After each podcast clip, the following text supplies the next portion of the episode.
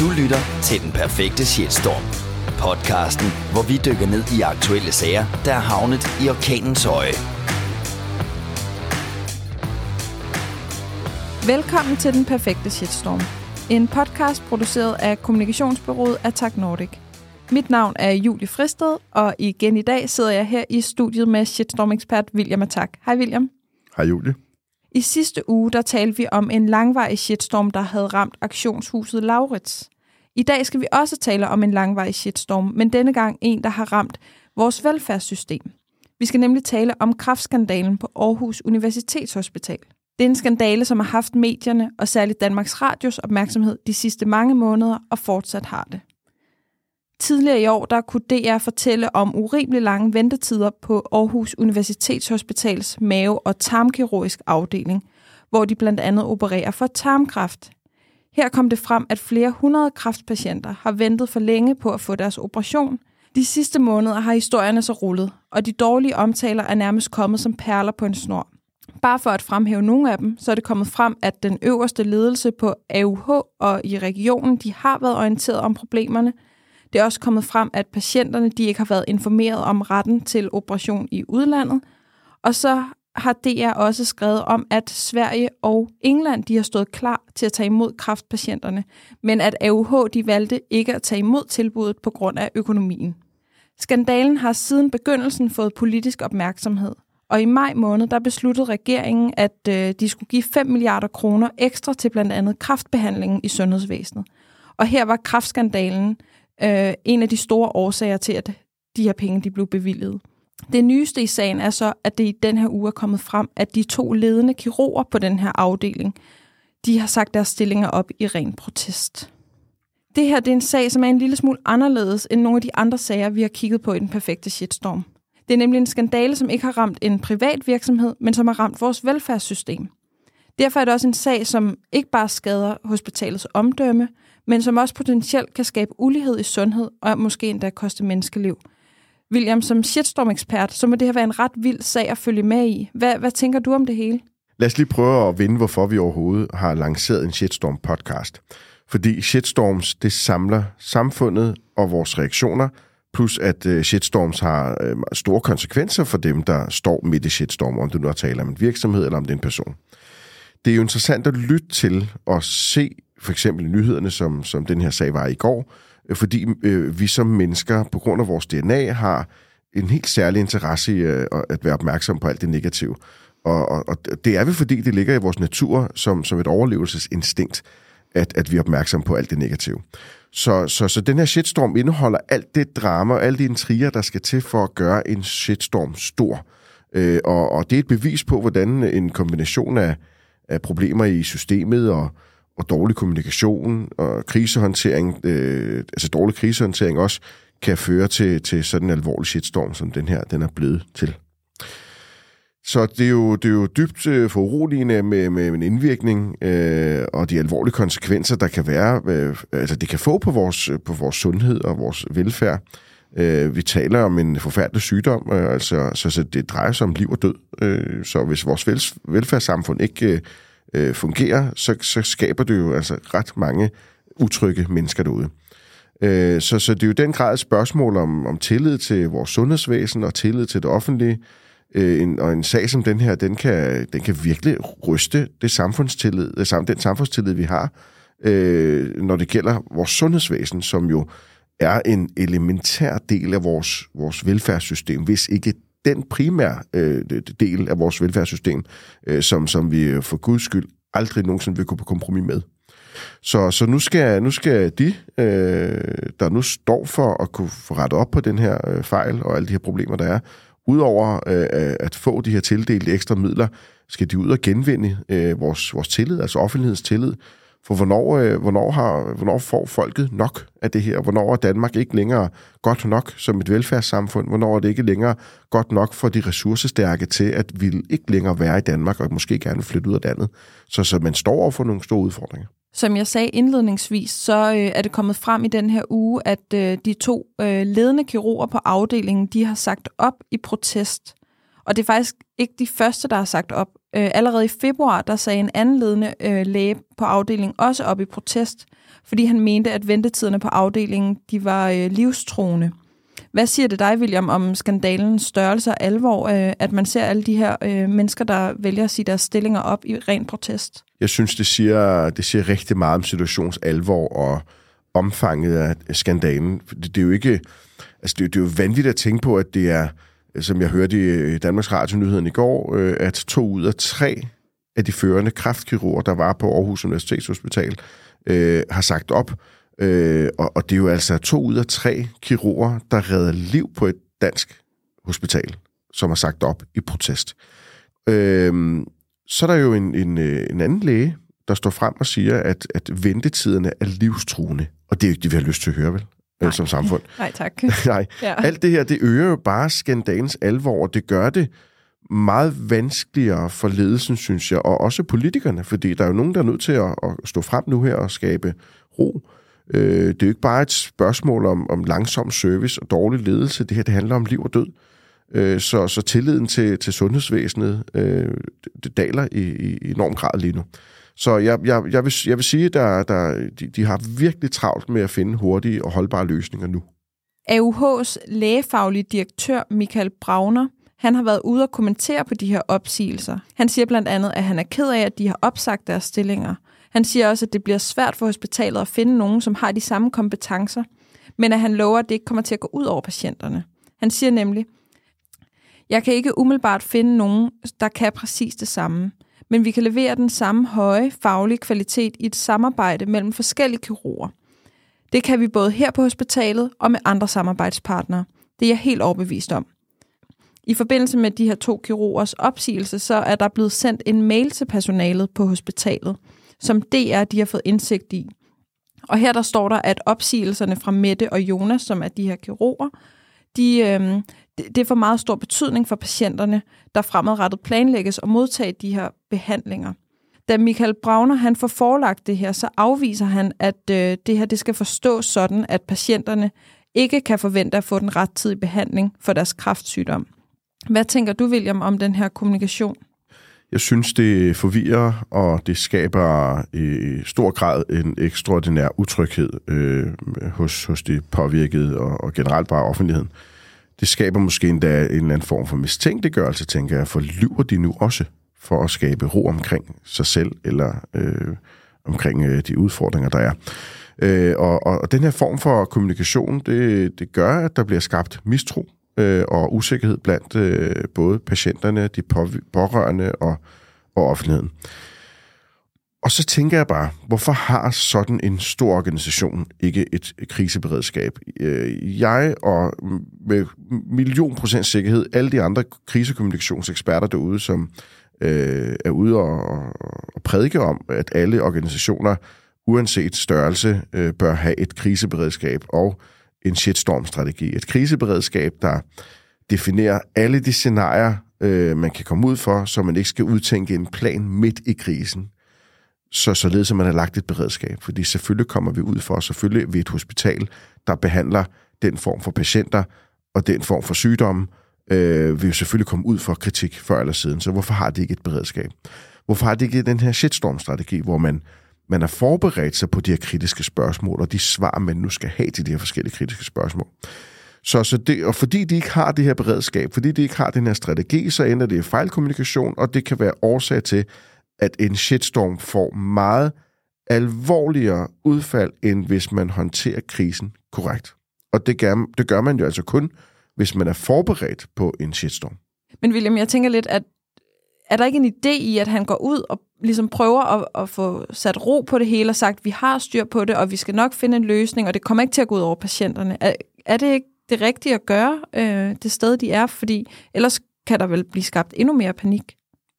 Jo, altså det, det er jo det rigtige at gøre, fordi man øh, kommer frem med en løsning, men en del af løsningen.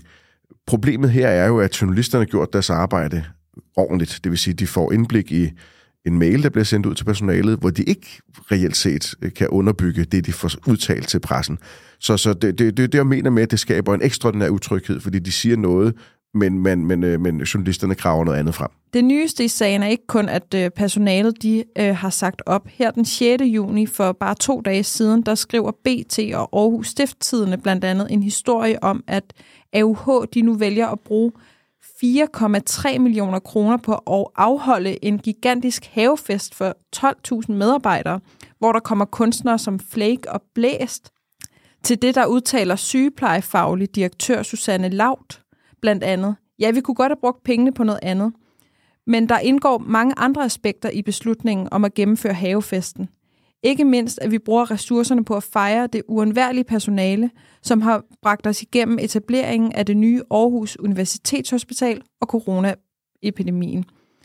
William, hvad tænker du om den her beslutning, set i lyset af den kritik, der ligesom har været, og den her beslutning, politiske beslutning om, at der er blevet afsat ekstra penge til kraftområdet, at de så vælger at gå ud og holde en havefest for deres personale til 4,3 millioner kroner. Og hvad, og hvad tænker du om hendes svar til den her kritik? Altså, jeg, jeg, det, det er virkelig øh, skidt timing, øh, at den her fest kommer. Jeg tør ved på, at den her fest har været planlagt i 100 år, og så øh, kommer der kritik i medierne nu. Det er skidt timing. Men selvfølgelig skal man jo anerkende personalet. Øh, og om, om det koster 4,3 millioner, synes jeg nu ikke, men forstå mig ret. Øh, selvfølgelig skal det gøres. Der skal være plads til at holde... Penge. Det er mange penge. Ja. Det er, der, der, man skal anerkende personale, men der skal være plads til øh, at holde en fest eller to. Øh, øh, men, men timingen lige nu gør, at det her det virker enormt uovervejet, øh, og vil uden tvivl give anledning til, til yderligere kritik. Øh, fordi øh, hvorfor har øh, hvorfor har de ikke øh, prioriteret øh, midlerne anderledes? Det er jo den kritik, øh, folk jo reelt set vil stå med, og de spørgsmål, folk vil stå med. Så, så jeg, jeg, da jeg læste det her, der tænkte jeg sådan lidt, okay, lad os lige prøve at banke på hos en, hos en kraftpatient eller deres pårørende, og spørge dem, om det er okay at bruge 4,3 millioner på en fest, når patienten ikke har fået den lovede kraftbehandling. Kontra hvis vedkommende har fået den lovede kraftbehandling. Fordi jeg, jeg tror da ikke, at vi i Danmark har noget imod, at vi holder en fest i ny og næ, og, og, og vi, øh, vi, vi anerkender øh, folk, der øh, gør en indsats.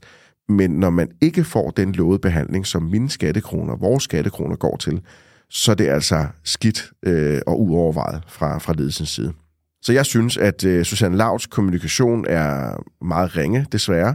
Øh, det kunne selvfølgelig tænkes, øh, at, at det, det har vi set nogle gange før, at det kun er et uddrag fra hendes udtalelse, der bringes i medierne, for eksempel BT. Men ja, det, er, det er ikke kun et uddrag. Øhm, Aarhus Stifttiden, de bringer et længere øh, svar fra hende, men ja. BT, de bringer det her yes. som jeg lige læste op. Ja. Og, og, og, det er jo, det er jo, og det er jo det, der skal til for at skabe et debat øh, eller kritik. Så, så så, så jeg, jeg, igen, nu kender jeg ikke nok til, til, til Aarhus Stifttidens udtalelse, den samlede udtalelse, men, men som udtalelsen er på BT, der fokus, fokuserer hun jo kun på øh, vigtigheden af medarbejdernes, næsten kun på me- vigtigheden af medarbejdernes trivsel, og hun kommunikerer ikke nok empati for kraftpatienterne og, og deres pårørende. Øh, hun, og den, øh, hun og, og den øvrige ledelse, det virker jo ufølsomme, som, så, så det underminerer øh, sådan lidt yderligere tilliden til hospitalet, øh, om at de ikke har lyst til at, øh, at tænke i, i patienternes interesse. Jeg tjekkede også lige hospitalets egne sider for at se, om de selv skriver noget omkring den her kraftskandale. Og det gør de faktisk. Der er blandt andet på deres egen hjemmeside under øhm, fanen aktuelt, der skriver de, er du bekymret eller berørt af sagen om overskridelse af de maksimale ventetider for tarmkræftpatienter på AUH, kan du læse mere her. Og så kan man så læse videre og læse om patient, øh, patienterstatninger og en ny hotline, der er for bekymrede kræftpatienter. På deres Facebook-side, der deler de mere eller mindre de samme informationer her tilbage i april måned. William, hvad tænker du om, øh, om AUH's kommunikationsstrategi på deres egne sider? Er det det rigtige, de gør, eller burde de have gjort noget mere eller noget andet, eller hvad tænker du? Så jeg synes, øh, jeg synes det er ok men øh, så har jeg heller ikke mere ros til os øh, for den kommunikationsstrategi. For eksempel er opslaget på Facebook øh, omkring den her sag halvanden måned gammelt. Hvorfor er det det? Hvorfor er der kommet noget øh, om mere? Det virker til, at de, øh, de kun handler reaktivt og, eller for langsomt. Øhm, øh, fordi hvorfor er der ikke noget proaktivt kommunikeret nu, inden den her kritik kom inden for de seneste uges tid? Øhm, så så de, de er i den grad nødt til at være mere proaktive og at være i løbende kommunikation med patienterne og de pårørende og offentligheden. Og det, den bedste måde at gøre det på. Det er jo netop via egne kanaler. Det var også det, vi snakker om uh, sidste uge med, med Laurits. Mm. Selvfølgelig er der rigtig mange, der besøger Laurits hjemmeside, og selvfølgelig er der også mange, der besøger hospitalets hjemmeside, deres Facebook-sider, i håb om, kæmpe, kæmpe stort håb om, at der er nogle gode nyheder. Og det er der bare ikke. Jeg føler desværre, at, øh, og det gør øh, andre nok, så, så nok også, tænker jeg, at de, øh, de ikke bliver taget seriøst nok. Øh, skyldes det, at de, øh, de kommunikativt simpelthen ikke er dygtige nok, eller ikke er blevet rådgivet korrekt. Det kan jo ikke bare være en simpel kommunikationsstrategi. De skal erkende situations alvor, og det skal de virkelig understrege. De skal udtrykke empati for det berørte, og samtlige udtalelser er nødt, er nødt til at have en løsning med sig. Hvordan løser vi det her problem? Og det, det bør være, der bør være løbende opdateringer, øh, og, og selvfølgelig ikke sidste gang i april måned, vel? Altså, men det, er, ikke, det, det er kun på den måde, at det vil give det rigtige indtryk, at de tager et ansvar, at de bliver ved med at bombardere om, hvordan, hvilke udfordringer står vi med, hvad gør vi nu, hvordan kommer vi til at gøre det her, hvad fik vi ud af det, vi gjorde før? Det kan godt være, at det ikke lige alt løser sig, men så længe man viser, at man kæmper for at finde en løsning, så vil det stadig skabe mere tryghed end den samlede utryghed, der er lige nu. Nu er det her jo ikke en sag, som rammer en privat virksomhed, som vi egentlig har snakket mange gange om her i podcasten, men det er en offentlig. Hvilken betydning har det for shitstormen og håndteringen af den, at det er en offentlig virksomhed eller en offentlig instans, der rammes, og ikke en privat virksomhed? Øh, som nævnt, så spiller et hospital jo en meget vigtig rolle i det offentlige, fordi det jo finansieres af skatteydernes penge. Og når så et hospital så er involveret i en shitstorm af den her størrelse, så vil det jo, så får det alvorlig påvirkning på skatteydernes opfattelse af, af velfærdssamfundet og regering og, og, og Danmark som land. Det kan ikke bare tabe kunder, som en privat virksomhed kan gøre, og de kan ikke bare besvare nogle negative anmeldelser, øh, der kommer, øh, og som, som en privat virksomhed ofte gør. Og hvad ender det med for en privat virksomhed? De ender jo med, når de får så meget kritik, som det hospital får nu, øh, så ender det med enten at dreje nøglen, eller også så, så overlever de med et stort tab. Og det er jo deres egne penge, de taber, hvis de overlever. Et hospital, ligegyldigt hvad der sker, ligegyldigt om det er en lille øh, shitstorm eller en kæmpe stor shitstorm, så bruger de skatteydernes penge. Øh, det gør, at folk bliver jo endnu mere frustreret over og påvirket af, at en shitstorm som den her, den skal igen koste os skatteydere en masse penge. Når jeg analyserer shitstorms i generelt forstand, og det gør vi jo ret ofte her hos os, så er noget af det første, jeg altid vurderer, om der er et alternativ til den virksomhed eller organisation eller den person, der står midt i shitstorm. Øh, folk har jo ikke rigtigt et valg om, hvor de skal få en akut kraftbehandling. Og inden for hvor lang tid kan de tillade sig at forlange det her? Og det er jo heldigvis kommet diverse kraftpakker, øh, øh, som gør, at man inden for vis rum tid skal have øh, behandling. Jeg mener, det er 14 dage, kraftpakken hedder, øh, at man skal ind i et forløb omkring øh, kraftbehandling. Men, men den overholder de jo heller ikke. Så det vil sige, en ting er, at nu de mistede kirurgerne, og før de, da de havde kirurgerne, der kunne de ikke overholde det, øh, lov, øh, det, det tidspunkter og tidsrum, der nu var inden for, hvor lang tid man skal behandle. Så, så nu, nu skal der ovenikøbet være tvivl om, hvor jeg skal behandles. Ikke hvornår er hvem, men også hvor, fordi nu kan de ikke leve op til de krav, der er. Øh, patienterne er øh, i forvejen jo mentalt enormt påvirket, øh, og, og for raske personer tænker jeg, at det måske er sådan en nogenlunde simpel rejse. Jeg hørte i, i nyheden i går, at øh, nu, nu har de lavet en aftale med et hospital i Uppsala, øh, og for, for, for en rask person, der kunne man måske godt tænke, at ja, jeg tager da gerne lige en tur til Uppsala. Det kunne da være hyggeligt nok. Men hvordan vil det opfattes for en syg patient? Selv en simpel ting for en rask person kan være overvældende for en syg person, som både er mentalt og fysisk ekstremt påvirket af, at man har kræft. Så når vi betaler så mange penge i skat, så forventer man altså kvalitetspleje øh, i sygehusvæsenet. Ikke kriser, ikke fyringer, ikke havefester. Sorry, det er der simpelthen ikke plads til. Når jeg siger så meget om det her, så er det fordi, jeg har haft det meget tæt ind på kroppen. Min mor havde inden for, øh, inden for øh, hvad det, halvanden to år siden, der blev min mor ramt af kræft. Hun har rendt rundt i flere år med smerter i maven, og det var faktisk mavetarm Øh, afdelingen, hun øh, jo øh, endte med at blive behandlet hos på Rigshospitalet. Øh, hun er heldigvis okay nu, bare lige for at lægge låg på den del, øh, men, men vi var igennem et helvede i forhold til den behandlingstid. For det første havde hendes egen læge begået adskillige fejl. Det vil sige, at min mor øh, kommer op og, og hvad hedder, klager over smerter. Ej, men du er, sikkert, du er bare lidt overvægtig, du skal bare lige tabe dig lidt og bevæge dig lidt osv. Så, videre. så der går jo lang tid, vi snakker flere år, før hun øh, af en anden læge tænker, ved du hvad, lad os da lige sende dig til en scanning. Altså, hvis det har de ikke tænkt over før nu. så finder de altså en kæmpe, kæmpe stor kraftknude på, stor, på størrelse med en halv liters øh, sodavandsflaske. Altså så stor er den øh, kraftknude nærmest vokser sig til. Øhm, og ikke nok med det. Der var vi jo såret, der var vi vrede, der var vi jo altså frustreret over, hvad, hvad skal der ske nu? Så kan de ikke leve op til kraftbehandlings, øh, hvad hedder det, øh, behandlingstiden. Så brokker vi os lidt over det, og så får vi at vide, jamen, hvis I ikke øh, kan, øh, kan lide det, så må jeg tage til Aarhus. Jamen, prøv, vi bor altså i København. Skal vi virkelig til Aarhus? Ja. Hvis I ikke kan lide lukken i bageriet, så må jeg jo øh, tage til Aarhus. Men det var ikke kun det. Der var flere og flere ting i det her. Og, så, og fordi jeg kender de rigtige personer, og ved, hvordan jeg skal lægge et pres de rigtige steder, og så videre, gjorde det, at vi kom meget hurtigere til. Altså min mor kom meget hurtigere til. Og så kan man så vente om og sige, er det fair, at William han ved, hvem man skal tage fat i, hvem man skal lægge pres på osv. Ja, for os og børnene og børnebørnene var det jo meget heldigt, at William vidste, hvem han skulle lægge pres på. Og min søster var med, min bror var med. Vi lavede et kæmpe, kæmpe pres alle steder, vi nu kunne. Men det er jo vanvittigt urimeligt for alle de andre, der ikke kender de rigtige mennesker, at de ikke kan lægge det rigtige pres, øh, som, som jeg kunne gøre. Så, så, så vi er ude i, at det her, selv jeg kender til meget personligt, hvor meget det kan frustrere nogle mennesker. Øh, så, så, så det her, tror jeg, får nogle alvorlige konsekvenser, at have været i den her shitstorm. Øh, ja, der er jo allerede røget nogle hoveder, øh, men, men der ligger jo et kæmpe pres på dem nu. Altså, de, de er nødt til at finde løsninger. Jobbet for den kommende ledelse vil højst sandsynligt også være ekstremt udfordrende. Der vil være mange øjne på dem, så, så det bliver den grad en, en svær opgave at løse. Øh, det er jo forventeligt, at, at offentligheden skal have tillid til, at sundhedsvæsenet kan, kan levere rettidig og effektiv behandling. Især når det kommer til, til så alvorlige sygdomme som kræft. Hvis, hvis patienter begynder at frygte, at de ikke kan få den nødvendige behandling i tide, kan det underminere øh, samfundstilliden. Det er, jo, det, det er jo meget skidt hele vejen op til borgen. Øh, det vil føre til en opfattelse af, at velfærdssystemet ikke kan leve op til, til, til de grundlæggende forpligtelser, øh, systemet har. Øh, og, og, og, og så tænker jeg også, hvem, hvem gider egentlig en arbejdsplads, der konstant bliver kritiseret? Så, så, så det bliver måske svært at tiltrække nye medarbejdere og, og fastholde det eksisterende, man har. Øh, og den her form for kriser øh, er jo med til at skubbe sundhedspersonale fra, fra det offentlige over til det private, øh, både i Danmark, men, men også til, til lande som for eksempel Norge. Øh, det, det vil påvirke kvaliteten af, af, af plejen enormt meget.